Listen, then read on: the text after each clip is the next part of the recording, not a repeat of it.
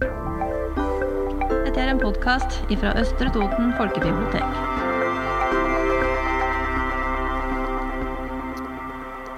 Hei og velkomne til Litterærstund.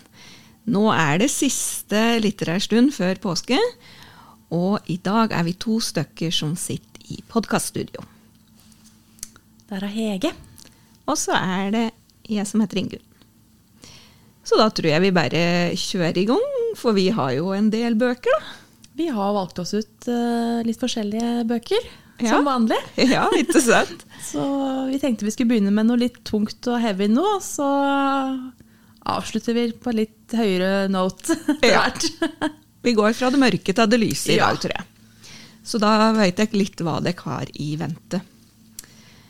Eh, Jeg er først ute i dag, og jeg skal presentere ei bok av en forfatter, en ungarsk forfatter som heter Agota Kristoff. Agota Kristoff, det minner jo om eh, navnet på en annen forfatter.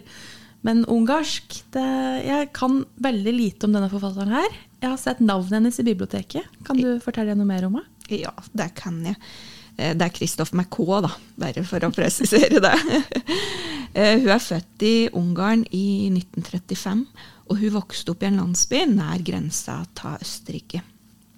Så var det jo en oppstand i Ungarn i 1956, og da flykta og via omveier så endte hun opp i Sveits. Der jobba mange år i en klokkefabrikk. Og slik lærte jeg bl.a. Eh, fransk.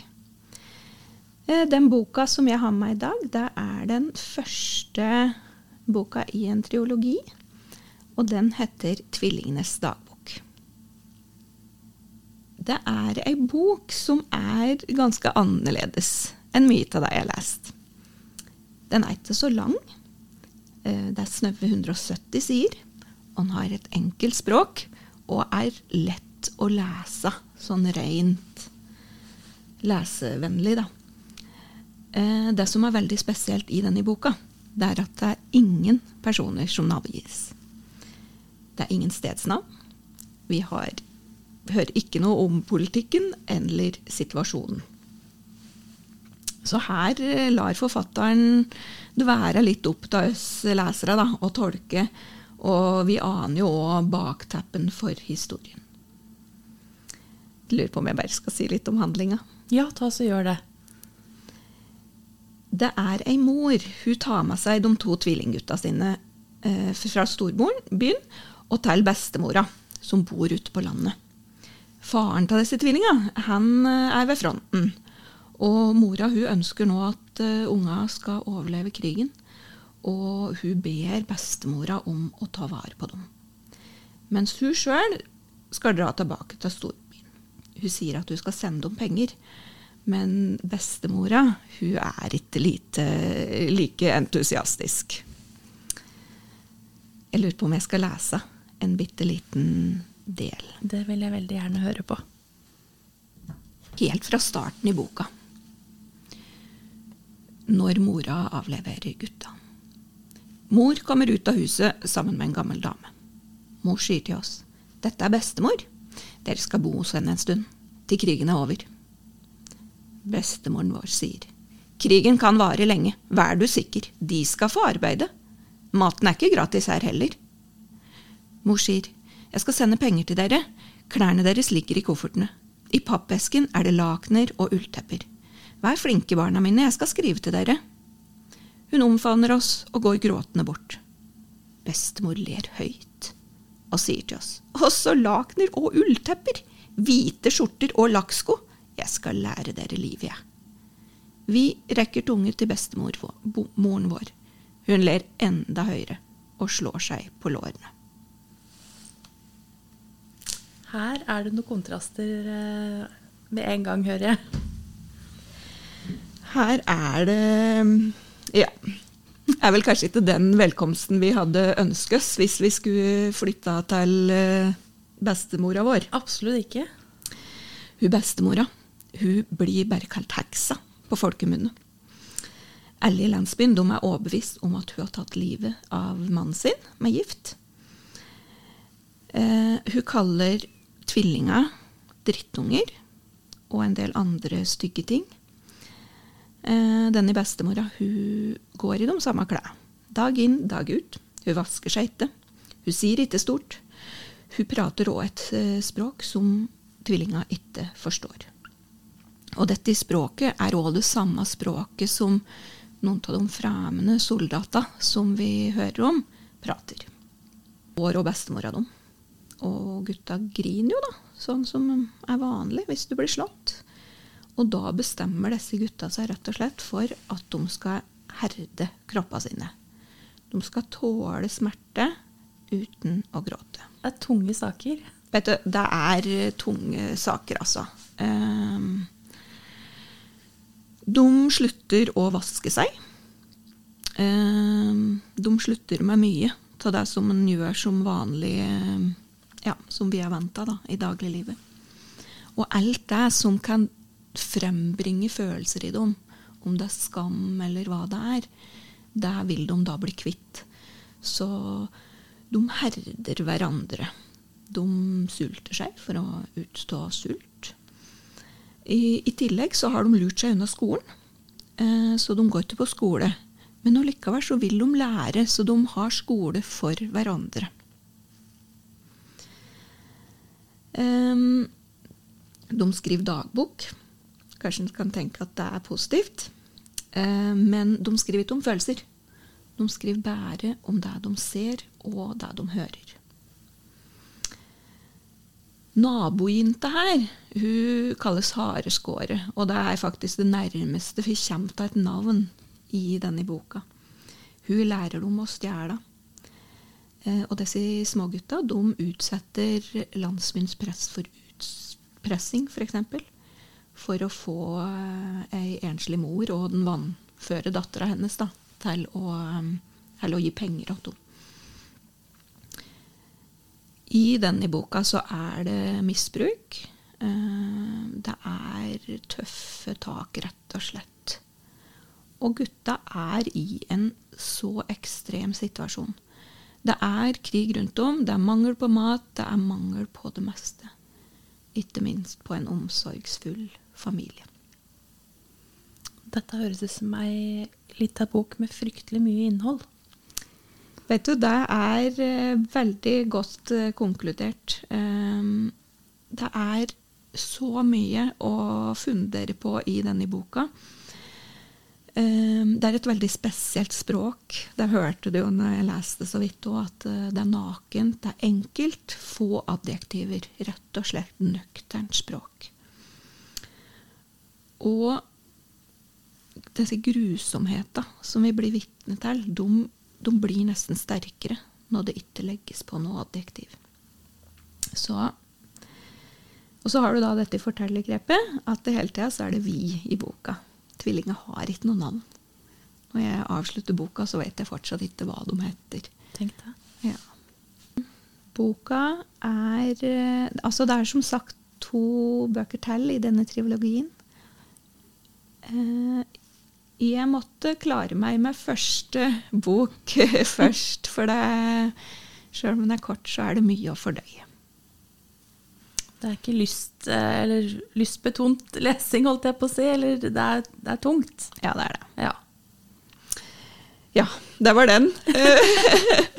yes. Men uh, den kan anbefales, virkelig.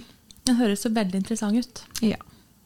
Men du har òg ei litt mørk bok nå i starten, Ege? Jeg har med meg ei mørk bok, jeg også. Eh, den kom på dansk i 2019. Forfatteren er for øvrig dansk og ble utgitt på norsk i år. Og heter 'Min mor var besatt. Mitt møte med depresjonens demon'. Ja. Så vi ser i tittelen hva vi har i vente her. Eh, det er ei fagbok eh, som er skrevet av Peter Øvig Knutsen. Han var født i 1961 i Holme i Århus i Danmark. Han er journalist og forfatter, og har selv karakterisert seg som dokumentarist og amatørhistoriker. Han har skrevet bøker bl.a. om krigstida i Danmark og Blekingegadebanden. De begikk politisk motivert kriminalitet på 70- og 80-tallet. Så denne boka her er noe helt annet og mye mer personlig. Eh, Det handler om, eh, om oppvekst hos en psykisk syk forelder, rett og slett. Ja. Så her får vi det personlige. Her får vi det personlige og det subjektive. Ja. Eh, boka starter med at mora til Peter dør, og han bestemmer seg samme dagen for at han skal skrive bok om åssen det var å vokse opp med hun. Og han har allerede bestemt seg på tittelen 'Min mor var besatt'. For det var sånn han oppfatta morens lidelse, at eh, det var en demon som fylte hele huset med mørke. Så det er heavy saker. Peter og lillesøster Mette de hadde det ikke lett sammen med mora, verken som barn eller som voksne. For demonen den har alltid vært der, og den fulgte med inn i voksen alder også. Så i boka så drar Peter rundt. Han intervjuer mennesker som har vært rundt mora gjennom livet. Han oppsøker psykologer og behandlere og får innsyn i de psykiatriske journalene til mora. Men eh, underveis i jobbinga med denne boka så kjenner Peter at det er noe som raser i hans eget sinn. Og det han tidligere har kalt blå perioder eller tunge stunder, det er ikke lenger dekkende. Han blir så deprimert, angstfylt og paranoid at han blir psykotisk og må tvangsinnlegges sjøl. Så han får virkelig oppleve hva mora har vært igjennom, da. Og når Peter utskrives, så kjenner han at følelsene for det mora, seg sjøl, psykiatrien og boka han skriver på, den, det er i endring. Så det er ei sterk og personlig beretning om opplevelsen av psykisk sykdom. Hva som skjer både med en sjøl og med en pårørende når livet er vanskelig. Og på samme tid så forteller boka om denne generasjonen av kvinner som sto midt imellom husmortida og frigjøringen av kvinner. Da. Så det er, det er mye lag i denne boka her. ja det, her er det mye å Her er det fryktelig ta mye i. å ta tak i. Og i tillegg til alt det her, så er det også en studie i menneskesinnet og en undersøkelse av ulike behandlingsmetoder i psykiatrien. Eh, Hva har skjedd i Danmark siden Peters Peter sin mor gjennomgikk eh, elektrosjokkbehandling på 60-tallet fram til i dag, f.eks.? Hva vil alle medisiner Er det bra? Er det dårlig? Hva gjør det med deg? Ja, hvordan behandler man psykiske lidelser i dag? Så det er sterk, om, eh, sterk bok om oppvekst, om fedre, mødre, barn og depresjoner, og også fine stunder, kommer vi fram til til slutt. Ja. Det virker som denne boka har et veldig mye innhold. Ja, den har veldig mye innhold, og den er, kjennes jo veldig personlig, siden den blir Ja. skrevet av en sønn som har disse sterke følelsene for mor si. Ja. og som da gjennomgår omtrent det samme i gåseøyne, Ja. og må se seg sjøl i speilet etter hvert. da. Men denne boka, det er, den er jo da biografisk, ikke sant? Den er biografisk. Men er det òg For jeg ser jo den historien som er, og er det en behandlingsstudie òg i tillegg? Eller? Det er jo det. Han, eh, Peter er rundt og snakker med både psykologer og alternative behandlere. Og han dypdukker jo da inn i disse psykiatriske journalene, og vi får eh, mye doser på medisiner og, og forskjellige behandlingsmetoder. Så det er, eh, det er kjempeinteressant. Det er ikke bare personlig, det her, det er også det større bildet. da. Er den lang, boka, eller er det Det er, eh, det er noen sider i denne boka, her, men det går veldig rad igjennom. Ja. Eh, man har ikke lyst til å legge den fra seg når først er i gang, Nei. selv om det er ganske tungt det du skal gjennom. Peter har også med seg fotografen sin, så det er bilder av intervjuobjektene ja. i boka i tillegg. Guri, det høres ut som å komme litt under huden på noen. Veldig. Mm. Det er veldig Du kommer veldig nærme både Peter og moras historie her. Så det er ubehagelig, men også veldig fint. Så den kan jeg anbefale for den som eh, vil lese om noe sånt noe. Ja. Takk for anbefalinga. Den eh, tar vi med oss.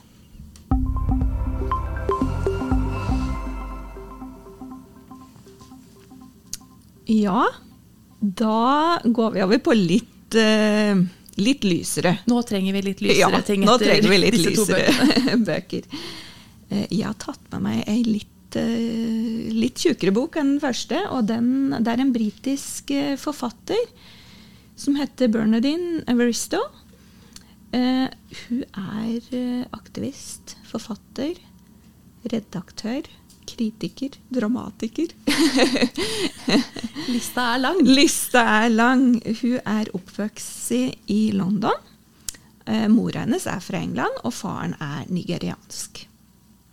Eh, hun har skrevet en rekke romaner. Men så, i 2019, så kom hun med den i boka som heter 'Jente, kvinne, annet'. Og den vant da Booker-prisen. Det er en stor heder og ære. Det er det. Og akkurat det året så vant oss sammen med Margaret Atwood. Ikke sant. Ja. Det, da har du gjort det bra. Ja, så det var faktisk delt den prisen det året, og det er jo forfatter av Tjenerinnens beretning. Mm. Er vel én av bøkene, i hvert fall, som hun skrev.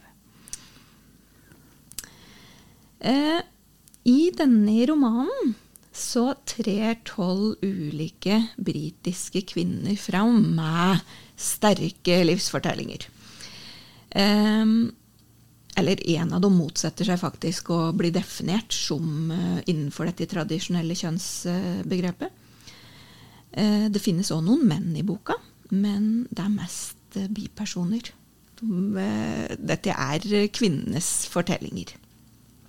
Det er tolv skjebner.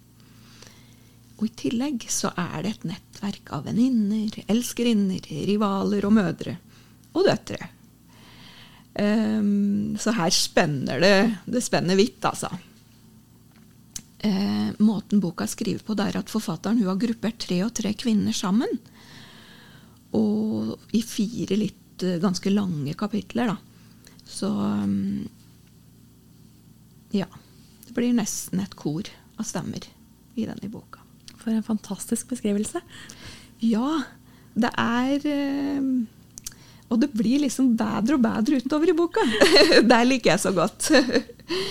Eh, De fleste av kvinnene i denne boka er svarte. De fleste er lesbiske. eh, Noen er det i hvert fall. Eh, Det er transpersoner. Det er noen kunstnere. Men så har du òg både aksjemeglere, du har lærere, du har bønder.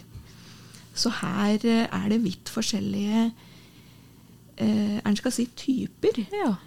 Og så samtidig, når vi liksom går og dukker ned i historien til den enkelte, så Ja, vi, vi eh, lærer dem å kjenne på en helt spesiell måte, og samtidig så eh, jobber liksom alle med å lykkes i sitt eget liv. Eh, på tross av det som holder dem nede, da. Om det er mennesker, eller om det er mekanismer. Den yngste i denne boka er 19, og den eldste er 93. Vi er stort sett i London, i, og dette også er litt sånn historisk, for det er fra Thatchers tid omtrent. Moderne historie, da. Og fram til i dag. Og så er vi liksom så vidt innom eh, Nord-England, USA. Og eh, første kvinne ut da, det er Amma Bono, og hun skal sette opp et teaterstykke. Hun er eh, London-jente, og hun er sent i 50-åra i denne historien. Hun er lesbisk, og hun har skrevet over 15 teaterstykker, så hun er dreven i faget, da. Eh, I starten av boka så får vi høre at hun er i ferd med å sette opp et teaterstykke. The Homies siste amazone. Og det er premierekveld. Og nå skal hun sette opp dette teatret på selveste National Theatre i London. Da tenker jeg òg tilbake da, til eh, å starte med teater sammen med sin medsammensvorne av Dominic, som vi òg stifter bekjentskap med. De var sjelevenner. De startet et protestteater, Bushwoman Theater. Og der skal jeg si jeg var ganske annerledes enn eh, National London Theatre. Em, så vi går fra dette, da, og hun Amma som da bodde i Freedomia, som de kaller det, det var en forlatt fabrikk uh, som har bodd sammen med andre uten fast bopel. Hun hadde aldri faste kjærester, hun ville være fri på alle måter. Og så Seinere så hører vi at dette her opprørske det avtar noe. Uh, blant annet så får hun en datter sammen med en eh, Det er et sånt fornuftig allianse da, som hun inngår med en mann. Og får, eh, får ei datter da, som heter Jazz. Eh, og så ruller denne her historien videre til Jazz, som da er dattera på 19, eh, til Dominic, som vi har hørt om. Og så er vi da innom mange, mange flere personer. Det høres jo kjempeinteressant ut. Så mange kvinnestemmer eh, i ei bok, liksom. Det, det er flott. Det er det. Og det som var spesielt med denne boka, det er at den har så å si ikke noe punktum. Det er 400 so- sider skrevet uten store bokstaver og punktum. Ikke sant, her skal det fortelles. Ja, Så det er litt som et langt, langt, langt dikt. Veldig interessant. Ja. Eh, Denne er intens, denne romanen, men er så fin, så jeg må bare si les den. Og vet du hvem som sa det samme? Hvem sa det samme? Obama. Ikke sant? Ja. Veldig, veldig bra. ja. Og du òg har en spesiell stemme. Jeg har også en spesiell stemme med meg i dag. En debutant, faktisk. Eh, Gulrash Sharif. Han kom med Hør hæra, ei ungdomsbok nå i høst. Ja, den har jeg hørt om. Den eh, har mange hørt om. Det er eh, litt lang venteliste på biblioteket nå. Så, Og det skjønner jeg godt etter å ha lest den. Eh, Jeg kan jo begynne å fortelle litt om Sharif sjøl. Han er født i 1984 i Oslo. Han jobber som barneskolelærer, og ja, Hør hæra er altså den første boka hans. Eh, en bok med en original og særegen stemme, og vi skjønner at Sharif han har mye på hjertet, og jeg antar vi kommer til å høre mye fra han i åra som kommer. Eh, Hør hæra handler om Mahmoud på snart eh, 16 år. Han bor i ei leilighet i Oslo sammen med faren sin, som kjører taxi, mora som vasker på Blindern, og lillebror Ali. Eh, Når vi møter Mahmoud, så er det sommerferie, og han ser for seg lange dager på benken utafor blokka han bor i, sammen med kompisen sin, den enøyde Arif.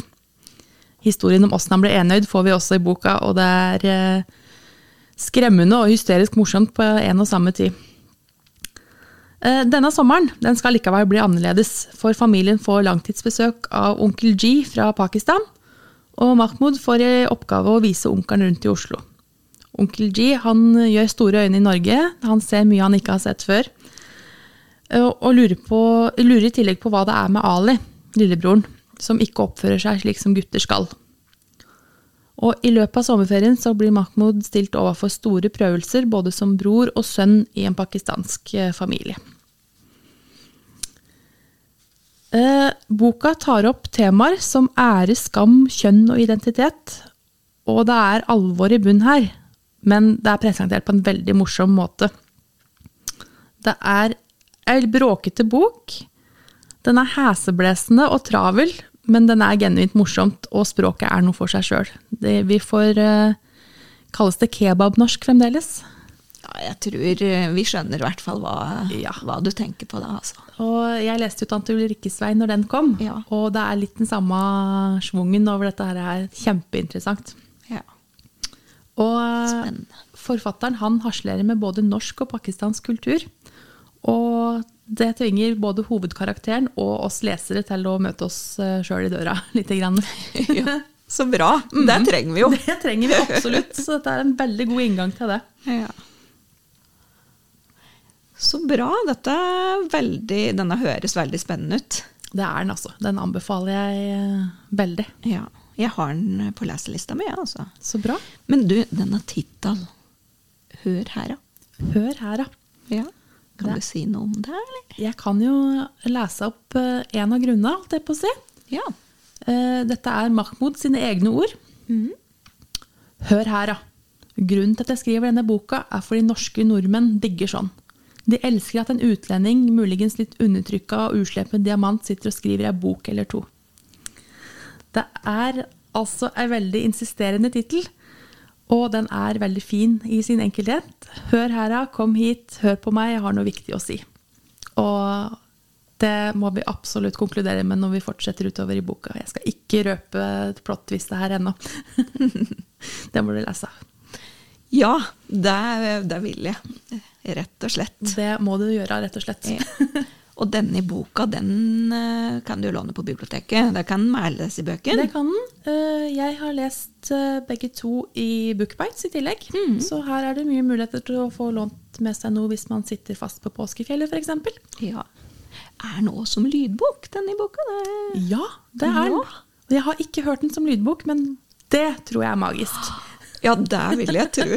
Åh, spennende.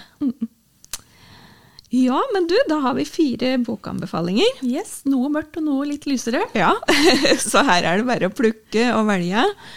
Og så er det jo sånn nå at nå går vi jo mot påske. Så hvis noen òg har lyst til å ha noe påskekrimtips, så har vi, vi har noen muligheter der, og vi, Hege. Der har vi jobba i det siste her på biblioteket, vet du. Så nå på YouTube-kanalen vår, ligger også på Facebook, så har vi publisert en video hvor eh, vi har eh, anbefalt påskekrim. Ja. Så der er det bare å plukke og Ja, de bøkene òg finnes både på Bookbite og som vanlige papirbøker. Ja, og ja, les i påska. Ja. Finn ei god bok. Kanskje en solvegg. En appelsin. Litt sjokolade. Det er akkurat sånn det skal være i påska. Ja. Så da gjenstår det bare å si riktig god påske. God påske. Og tusen takk for oss.